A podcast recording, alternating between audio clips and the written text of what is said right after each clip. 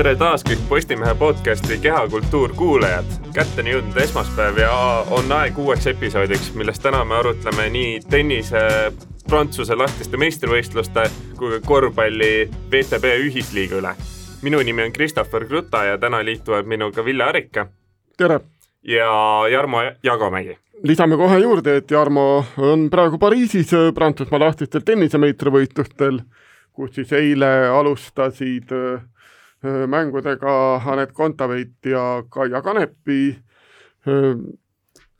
ühtlasi ka turniiris, turniir ise algas ja turniir siis algas sellega, et Anett Kontaveit siis kahjuks pidi Caroline Garciale paremust tunnistama, siis neli, kuus, kolm, kuus, kolm, neli, kuus, siis tema kaotuse numbrid olid. Kaia Kanepi see-eest jällegist Maria Puskovat neli, kuus, kuus, neli, kuus, kaks võitis. aga Jarmo, sina seal kohapeal eile kurtsid, et ilmastikuolud olid päris kehvad. jaa, nii on ja ütleme nii, et ega siin ega siin selline sügisene ilm on ja ilmselt jääb ka, et, et siin eile ütleme, et ilmajaamad näitasid umbes kaksteist kraadi, üksteist kraadi hommikul, aga selline ütleme, et real feel ehk päris tunne oli seal isegi kõikus seal viie kuni kaheksa vahel, et et oli siin korralikult tuult, oli sellist tihedat uduvihma, ütleme, et sellist päris, päris nagu oavarest ei kallanud, aga sellist uduvihma tuli päris tihedalt kohati ja ja ütleme, et külm, jahe ja tormine, et tribüünil oli raske, aga ma ei tea, väljakul ilmselt oli natuke kergem, sellepärast et sai, sai joosta ja liikuda, et Kanep ütles, et tema eriti külma ei karda ja tal külm väljakul ei hakanud vähemalt, et vähemalt seegi hea no Kanepi oligi üks nendest, kes turniiri alustas Eesti aja järgi keskpäeval. kas oli seal mingit sellist ohtu ka, et see avapäev edasi lükkuks üldse? no ma ise nagu oma peas mõtlesin küll, et seda ilma vaadates, et, tavaliselt siin telekaekraani vahendusel jälgides turniire, et siis jäetakse nagu suht sageli neid asju ära, aga, aga ütleme nii, et siin ikka, kui ma staadionile jõudsin paar tundi enne mängu, siis esimesed tegid seal, seal trenne enne mängu ja ei olnud küll kordagi õhus seda varianti, et, et mäng ei toimuks, et siin Viktoria Saarenka ja tema vastane korra läksid sealt platsi pealt minema, aga aga minu arust nad mängisid kohe seal Kanepi ja Bozokova kõrval, et ma ei tea, neid, neid ära ei saadetud igal ajal ja neile sellist vihmapausi ei tekkinud, et ma ei tea, et reaalset varianti ikkagi mängude edasilükkamiseks ärajäämiseks ei tekkinud eile ikkagi huvitaval kombel, jah. noh, ütleme nii, et see Äh, liivasavi katte erinevalt oleks nüüd kuskil seal äh, USA lahtistel kõvakattega väljak olnud, siis ei oleks midagi teha olnud, aga, aga liivasavi kate päästis seekord päeva, tundub, et et seda ikkagi selle katte peale annab sellise peene, peene vihmaga ka mängida. jah, et see kõvakate läheb kohe libedaks savi peal, pigem, pigem mitte, et võib-olla see oht on, et kuidagi selliseks sopaseks ja mudaseks võib minna, aga aga see kate ikkagi on nii korralik, et seal eh, Kanepi vastane Jessica Bozokova korra isegi, korra isegi kukkus sinna nii-öelda külili maha, aga, aga pühkis selle nii-öelda väikse savikihi maha, et mingit sopakolli temast alles ei jäänud, et tegelikult sai, sai mängida küll, et lihtsalt külm ja võib-olla ebameeldiv oli alguses, aga, aga, aga sai, saime, sai täitsa hakkama, jah. Kui palju see ilmastik seda savikatet mõjutab, et ilmselt ikkagi seal äh, seal, seal kindlasti nagu see mä-, mängustiili muutma peab, kui ikkagi selline uduvihm sinna savikattele peale hakkab langema?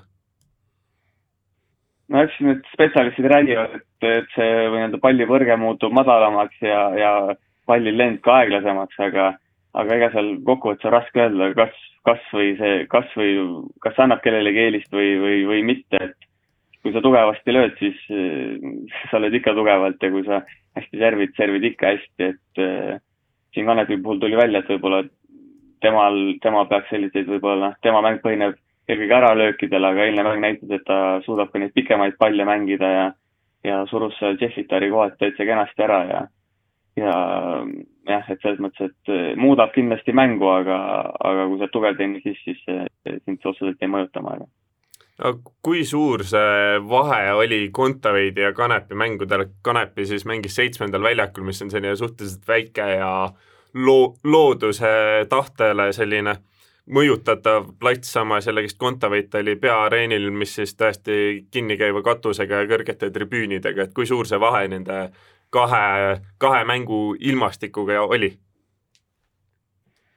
jah, et võib-olla sealt nii-öelda kodus diivanil istudes tundub, et see katuse all mängimine oli siin nagu, see on selline meelakkumine, aga tegelikult see katus oli seal pea kohal, et see päästis sellisest, ütleme, eh, vihmast ja võib-olla suuremast tormituulest, aga, aga reaalselt oli seal, seal suurel väljakul ikkagi samamoodi külm ja mingisugune tuul käis ka sealt läbi, et siin eh, mitmel korral nägime ka, et Carolina Garcia viskas, viskas palli õhku ja siis püüdis selle selle serve all uuesti kinni, et, et see on ka ilmselt osati tuulest mõjutatud, osati võib-olla millestki muust, aga, aga jah, reaalselt oligi nii, et seal seitsmendal väljakul sai natuke vihma ja rohkem tuult, aga, aga ega seal soojem ei olnud, et, et õues mina seisin isiklikult tribüüni peal püsti, natuke sai liigutada ennast, siis, siis oli nagu enam-vähem sai, sai jäseme sooja, said natuke näpud surisema hakkasid, aga aga seal suularennil sai istuda, aga istuda hakkas nagu kuidagi samamoodi külm, et äh, ega seal head varianti ei ole, aga nagu öeldakse, siis äh, ei ole nii-öelda kehva ilma, on vale riietus võib-olla. Äh, kuidas üldse seal Roland Garrosi keskuses see esimese päeva noh, melu tavaliselt nagu räägitakse meluspordivõistlusega seoses, aga, aga nüüd, kui on tuhat inimest lubatud või tuhat pealtvaatajat lubatud päevas, et siis väga vist melust ei saa rääkida. Kuidas, kuidas see värk seal eile üldse paistis, oli ja tundus? jah, et ma ise ei ole siin Prantsusmaa lahtistel käinud, aga küll ma olen Wimbledonis käinud ja seal oli siis eelmine aasta, kui ma seda külastasin, oli seal ikkagi selline festival, ütleme, et inimesed telkisid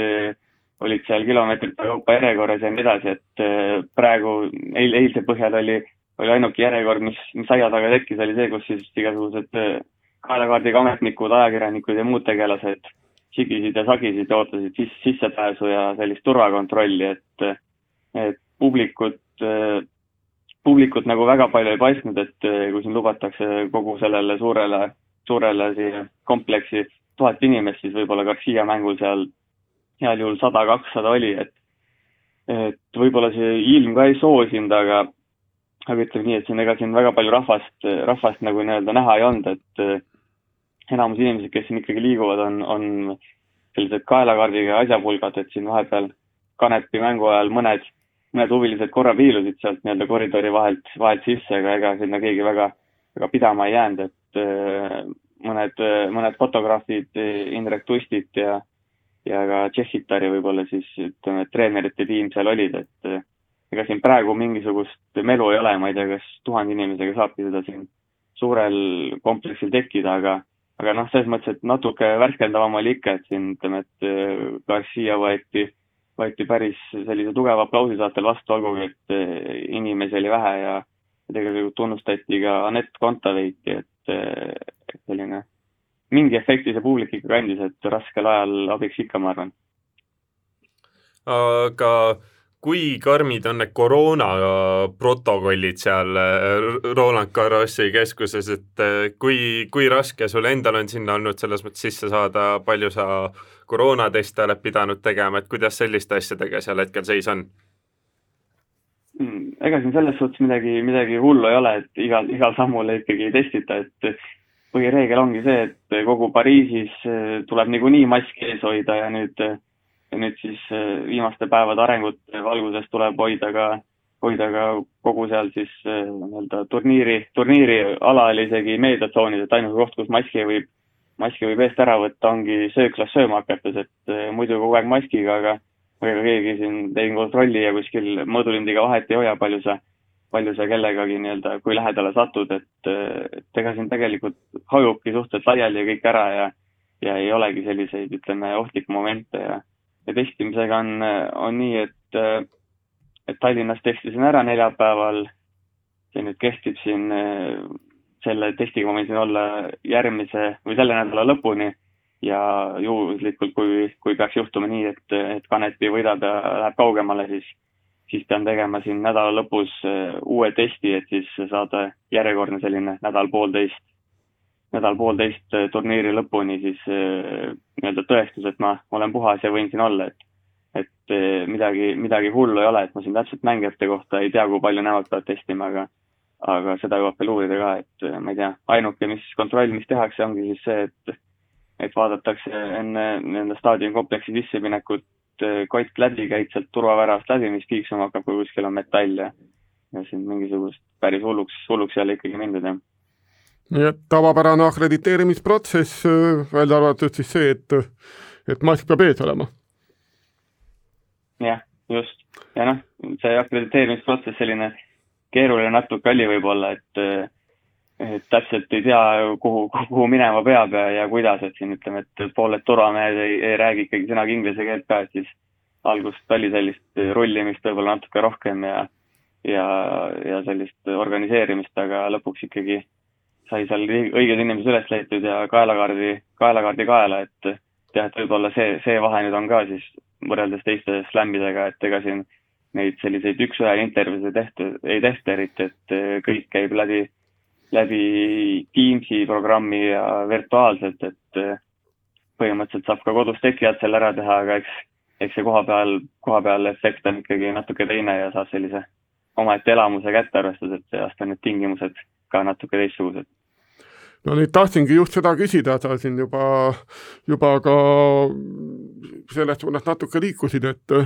et kuidas sulle endale tundus, kui pettunud nüüd Anett eile oli pärast kaotust? jah, kindlasti oli pettunud, et ta oli võib-olla selline natuke, ma ei tea, selline eemal olev või jah, igatahes oli, oli pettunud, ma arvan, et tal oli see ikkagi see õlaprobleem, mis tuli ka üsna ootamatult välja, et see nagu ka tundus, et äh, häiris ta tegelikult, ega tal nagu väga mugav seal eile nii-öelda ajakirjanike ees olla ei olnud, et okei, ta ikkagi endale omaselt, endale omaselt naeratas ja rääkis kenasti, aga aga eks ta natuke võib-olla sellist frustratsiooni ka, et et võib-olla tundis, et see mäng oleks pidanud ikkagi tema kasuks ära tulema, et siin ütleme, et et ta ise ütles ka, et võib-olla oli üllatav, et Garcia lõpus nii hästi seda aset hoidis ja võib-olla see oli kõigi jaoks kõigi jaoks üllatav, et selline ühest küljest paratamatus, teisalt, teisalt selline ikkagi valus kaotus, kus, kus hakkas seal teises setis tunduma, et võib-olla hakkab, hakkab see asi meie kasuks ära tulema, et äh, olgem ausad, ega see French Open ei ole Kontaveidile väga selline rõõmupakkuv turniir olnud varasemalt ka, et korra vist neljas ring ja, ja mullu ka langes esimeses ringis, et et kindlasti ta oleks enamat tahtnud, jah. Äh, kas ütleme, mõnisada pealtvaatajat äh, selle suure areeni kohta, aga kas ikkagi oli, oli seal mängu ajal äh, tunda, et äh, noh, see andis Garciale tuge juurde, et noh, tegelikult see Prantsusmaa lahtistel ikkagi, ikkagi prantslased on, on aastate jooksul kodupublikult selgelt toetust saanud ja noh, ega ilmaasjata Aneti mängu peaväljakule eile ei pandud ja kindlasti seal kohe alguses, kui nad väljakule tulid, siis rahvas äh, päris kõvasti tegi häält ja plaksutas, et, et oli, oli selline tuntav toetus, et olgugi, et visuaalselt see nii-öelda publiku arv nägi suht õnnetu välja, siis tegelikult sellist toetust oli tunda ja seal tähtsamatel punktidel, raskematel hetkedel publik ilmselgelt elavnes ja ja, ja elas kõvasti kaasa, et äh, see võis olla selline jah, võrdsete mängus selline väike väike samm, mis, mis Garciale kasuks tuli, et tal pärast, pärast seda, pärast mängu küsiti ka, et kuidas see kodupubliku ees mängimine on, et ühest küljest on see, ühest küljest on see kindlasti tore aga teisalt nagu võib-olla mingis osas taak, et et ajaloo jooksul on see ka võib-olla nii mõnelegi Prantsuse mängijale siin, siin Roland Garrosil äh, nii-öelda saaduslikuks saanud, aga siis ta ütles, et pigem, pigem kaasneb see pinge selle Roland Garrosi sellise suure aura ja suure turniiri tundega, et, et publik, publik ikkagi, publikut ta tervitab ikkagi hea meelega, et olgugi, neid vähe oli, siis eh, kindlasti oli neist, oli neist ka eile, eile kõvasti kasu, jah. Aga Kontaveit eh, teoorias peaks eh, jätkama paaris mängus siis koos Darja Kasatkinaga, aga on selle kohta ka juba mingit infot, et kas ta ikkagi jätkab või ei, et see tegelikult eile ju õla osas oli suhteliselt pessimistlik jaa, et eh, ta ütles, et ta nüüd eile õhtul, mis ta meile andis siin kohaliku aja järgi umbes, umbes kell seitse, seitse kakskümmend ehk siis Eesti järgi kakskümmend kakskümmend andis, andis eh, intervjuud, ütles, et nüüd, ta nüüd lähebki arsti juurde uuringut, uuringut tegema pärast, pärast intervjuud, et noh, täna veel siin ütleme, et kohaliku aja poole üheksaks see, see selgunud ei ole, aga samas on ka natuke, natuke aega veel, et Kalatkin alles oma üksikmängu peab, esimese ringi mängu peab homme, ehk siis siis paarismäng peaks olema praeguse esialgse plaani järgi alles kolmapäeval, et et teoorias, teoorias oleks see tehtav, aga, aga vaadates Kontaveidi, Kontaveidi juttu ja olekut, siis tundub natuke kahtlane ja ma ei tea, kas, kas on ka mõtet sellega, sellega riskida, et kui ta sada protsenti korras ei ole, siis ma ei, ei usu, et, et, et ta mängib, et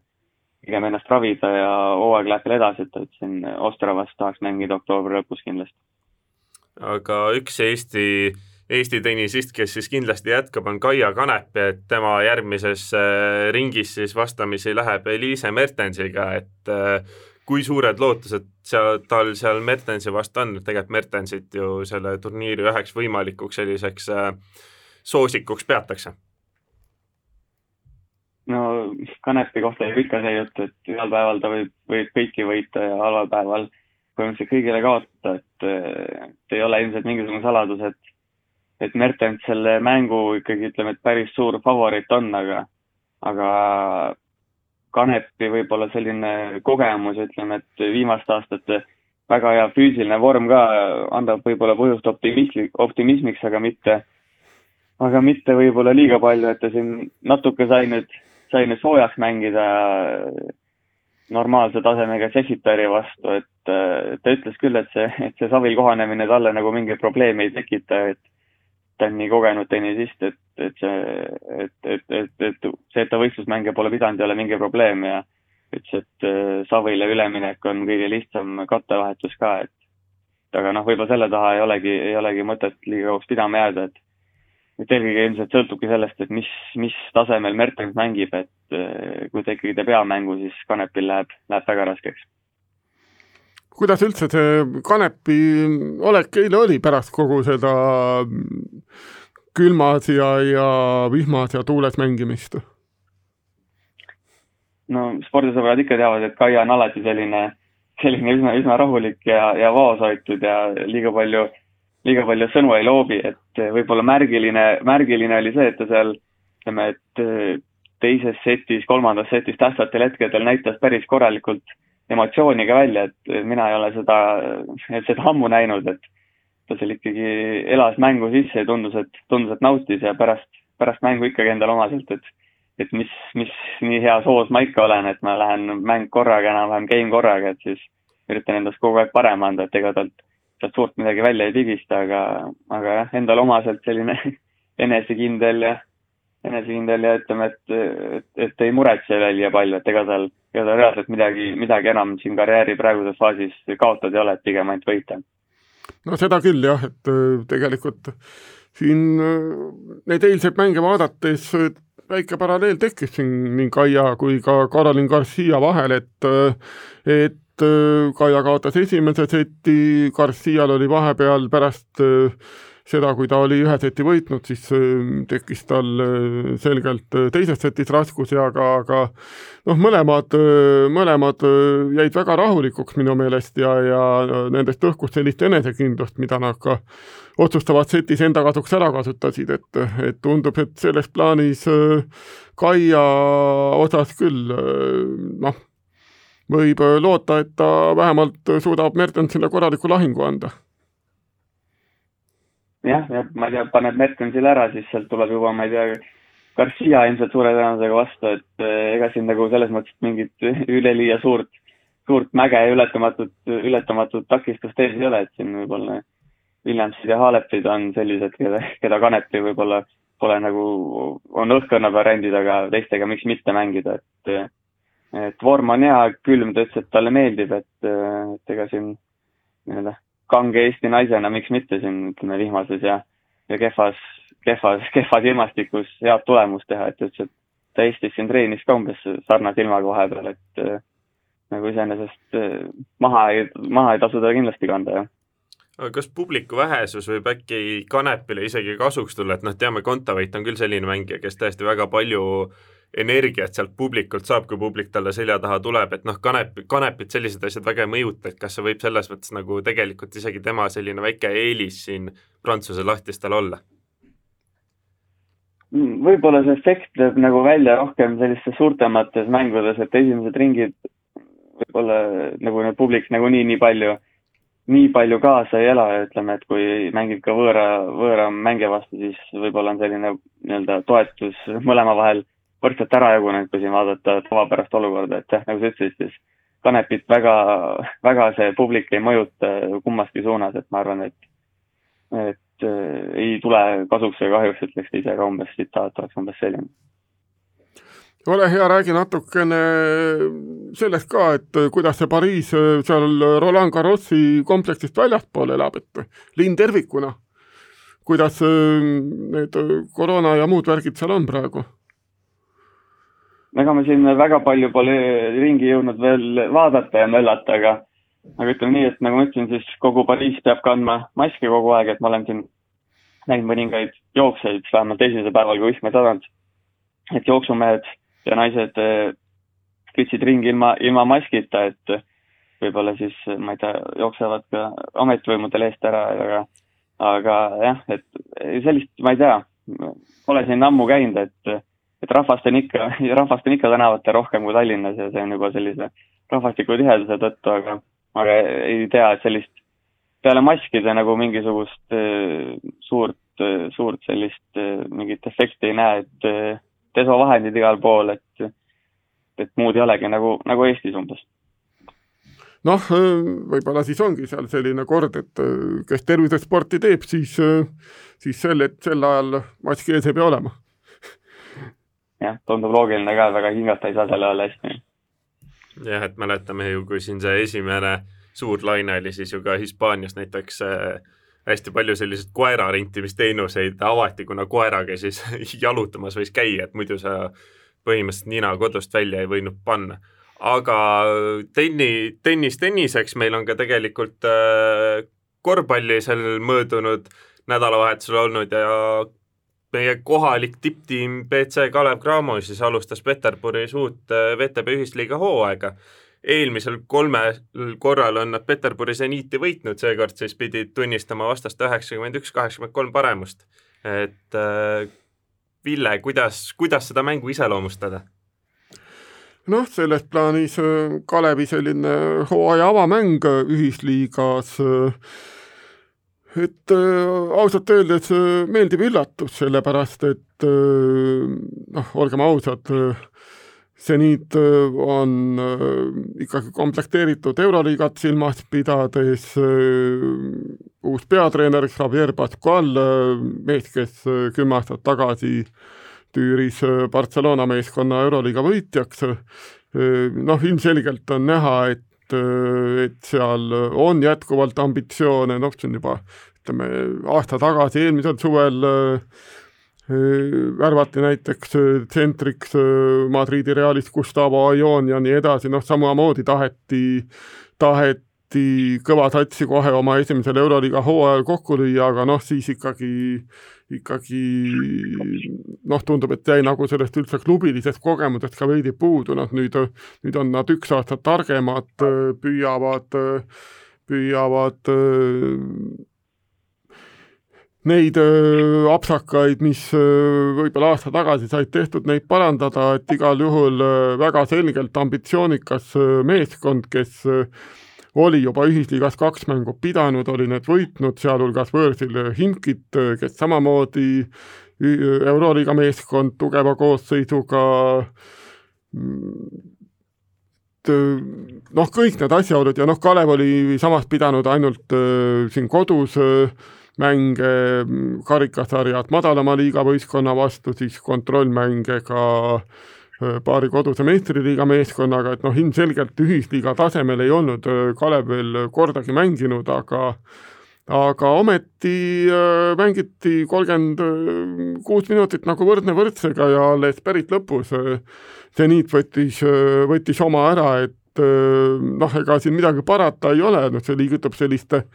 ilusate kaotuste kategooriasse, et noh, need Kalevi treenerid, mängijad on siin juba, juba ammu öelnud, et noh, et äh, ilusaid kaotusi, ilusad kaotused ei meeldi nendele, noh, ütleme siis kümmekond aastat tagasi, kui ühisliigas mängimist alustati, noh siis võeti neid teinekord paratamatusena. aga, aga praegu, praegu, kui on nüüd äh, tulemused oluliselt paranenud, siis, siis nagu nendest rääkida väga ei taheta enam, aga noh, seekord kui tund pärast mängu peatreener Robert Stenmacheriga rääkisin, siis ta oli nõus, et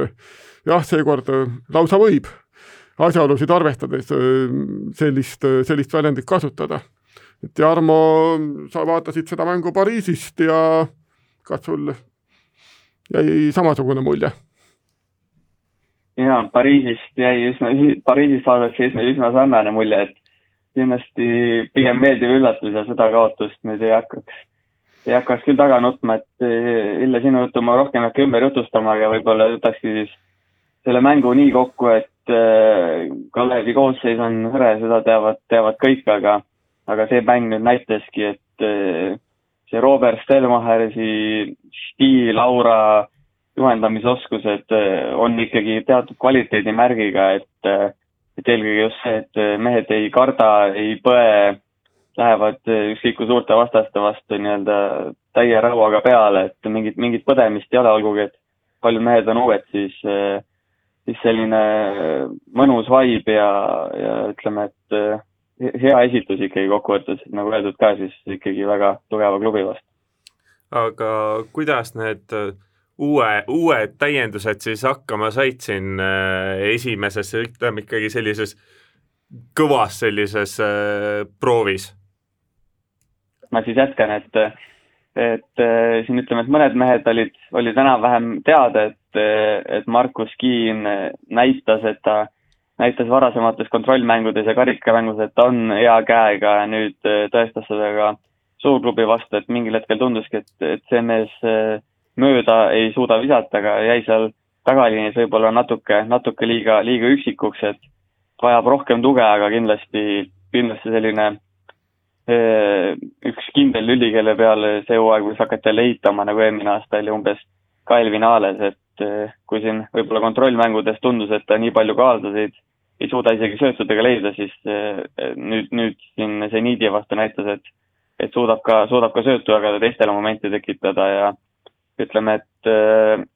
et kõik jätsid enam-vähem hea mulje siin võib-olla Jaanis Kaufmannis välja arvatud, kel, kellest võib-olla ei, oskagi väga palju loota ja oodata, et selline natuke, natuke aeglane ja kohmetu, aga aga noh, eks ta selline viskaja on, et kui ta need kolmesed äh, hakkab ära, ära panema, siis on temast kasu, et et, et nii ta on ja Keit Piiler siis, kes toodi Janar Jõesaare otseseks asendajaks, jättis ka pigem pigem hea mulje, et ongi üsna Jõesaarele sarnane mees, et võib-olla rünnakul isegi veel grammi võrra teravam, et võitleb, viskab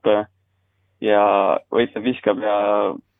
ja võtab, võtab lauda ja, ja ütleme nii, et kindlasti kasulik mees, kelle, kelle peaks võistkonda jätma, et et tema ka kindlasti plussmärgiga ja vahest, et kõige suurem üllatus oli, oli see müs-, müstiline mees Devin Toomas siis, kes juba esimeses trennis viga sai ja üldsegi vist pidas, pidas esimese mängu nüüd, nüüd seniidi vastu ja, ja väga meeldivalt, väga meeldivalt hea mängu tegi, et et statistika isegi kõrvale jättes, mis oli korralik kaksteist punkti, viis lauda, et ta oli selline liikuv, mängis kaitses enam-vähem okeilt,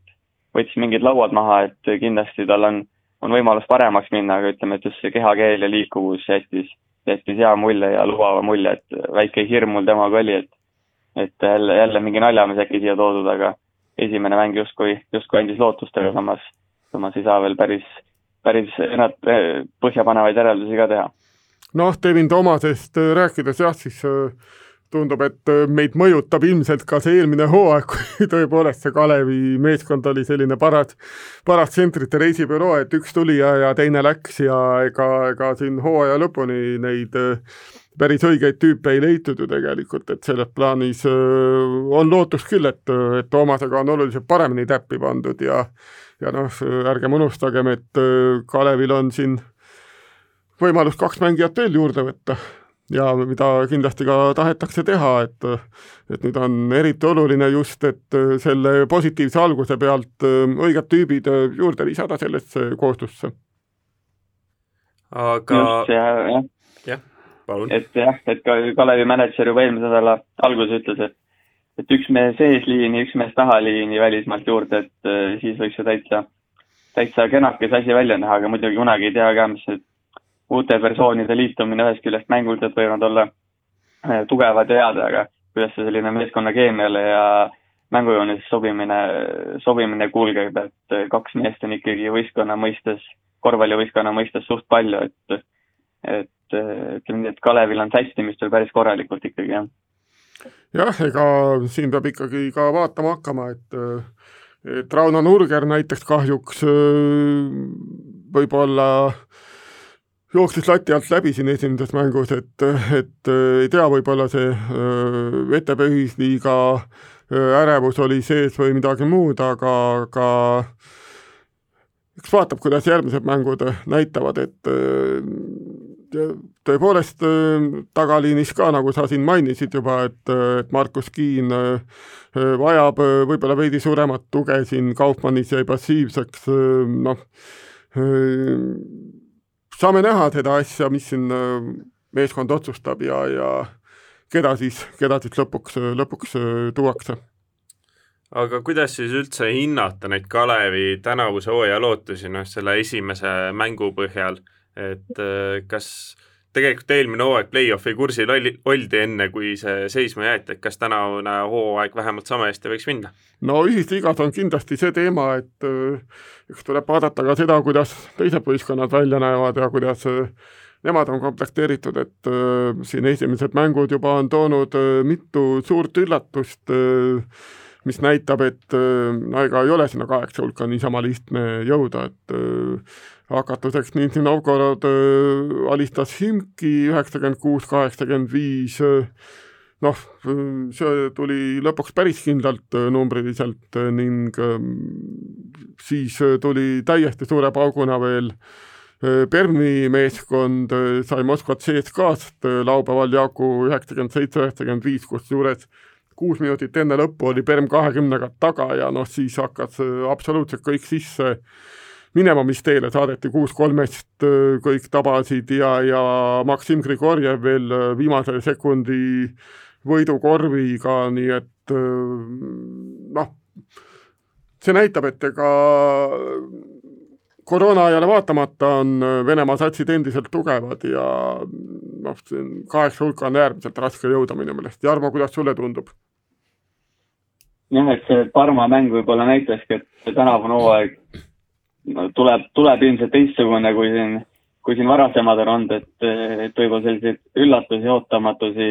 ootamatusi tekib rohkem, et see koroona, koroonaviirus lõi siin kaardid sassi ikkagi võistkondades ja need mängud ju peetakse ka jumal teab kuidas, et siin Kalev alguses müttab ainult, ainult piiri taga ja piiri taga ja nii-öelda välismänge, et ei tea, millal üldse kodus mängima saab hakata, et ma ei tea, kirvemeetodil vaadates siis justkui liider ja seniidi vastu mängisime võrdne võrdsega, et siis võiks olla seal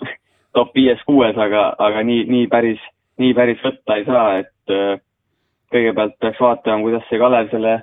satsi endal kokku saab, äh, mängib mõne omasugusega ja siis saaks äh, rohkem hinnanguid anda, aga kui ma, kui ma praegu peaksin kohe, kohe midagi ennustama, siis ma, ma pakun, et et sel aastal play-off'i võitlusesse ei sekkuta noh, võib-olla isegi võitluste sekkutakse, aga, aga noh, nagu ma ütlesin, et äärmiselt raske on jõuda sinna, et, et ma arvan, et päris peksupoisiks ei jääda, et, et mingid omad võidud kindlasti kätte saadakse, aga, aga jah, et et ei ole lihtsalt niisama lihtne, noh, need esimesed, esimesed muljed, mis on jäänud siin Astana sai CSKA käest kolmekümne kolme punktiga tappa, noh, kui nüüd nemad äh, ennast äh, oluliselt tugevamaks ei muuda siin vahepeal, siis, äh, siis Astana peaks kindlasti selline hambakohane meeskond olema, noh siin meie kaotasime seniidile kaheksaga, Zelona Cora Poola meeskond, samamoodi jäi sinna kümne punkti kanti see vahe, Krasnodaris kaotasid nad ainult seitsmega, et et ega, ega poolakatel on ka korralik tihe sats, no Minskit Smoki jõudis Äh, meistrite liiga kvalifikatsioonist põhiturniirile kahe võiduga, seal otsustavas mängus alistati Klaipeda Neptunat, nii et et tundub, et ka valgevenelastel on korralik sats koos ja, ja äh, nendest Venemaa, ütleme, viis tugevat meeskonda peaks olema noh, juba enne hooaja algust selle play-off'i koha broneerinud, et, et nüüd ülejäänud, ülejäänud nii-öelda keskmike nelikust esimesena kui nüüd see praegune ajakava peab, siis Kalev nendest kohtub esimesena Saratovis, seal saab Todoriga neljateistkümnendal oktoobril, et vaat see nüüd peaks olema selline mäng, mis mis hakkab juba selle play-off'i kohtade võitluses äh, midagi näitama, kuidas, kuidas Kalev äh, sellise võistkonna taustal välja paistab. jah, eks siin veel neli satsi pole ju alustanudki, alustanudki turniiri ja Hinkil on juba null kaks ees, et nemad ei saa ka siin, ütleme, et Kalevi, Kalevi-suguste vastu enam, enam väärata põhimõtteliselt, kui kaks mängu alguses ära anda, et igatahes huvitavaks läheb, aga ütleme, et selliseid ennustusi on veel vara natuke teha ilmselt, jah. jah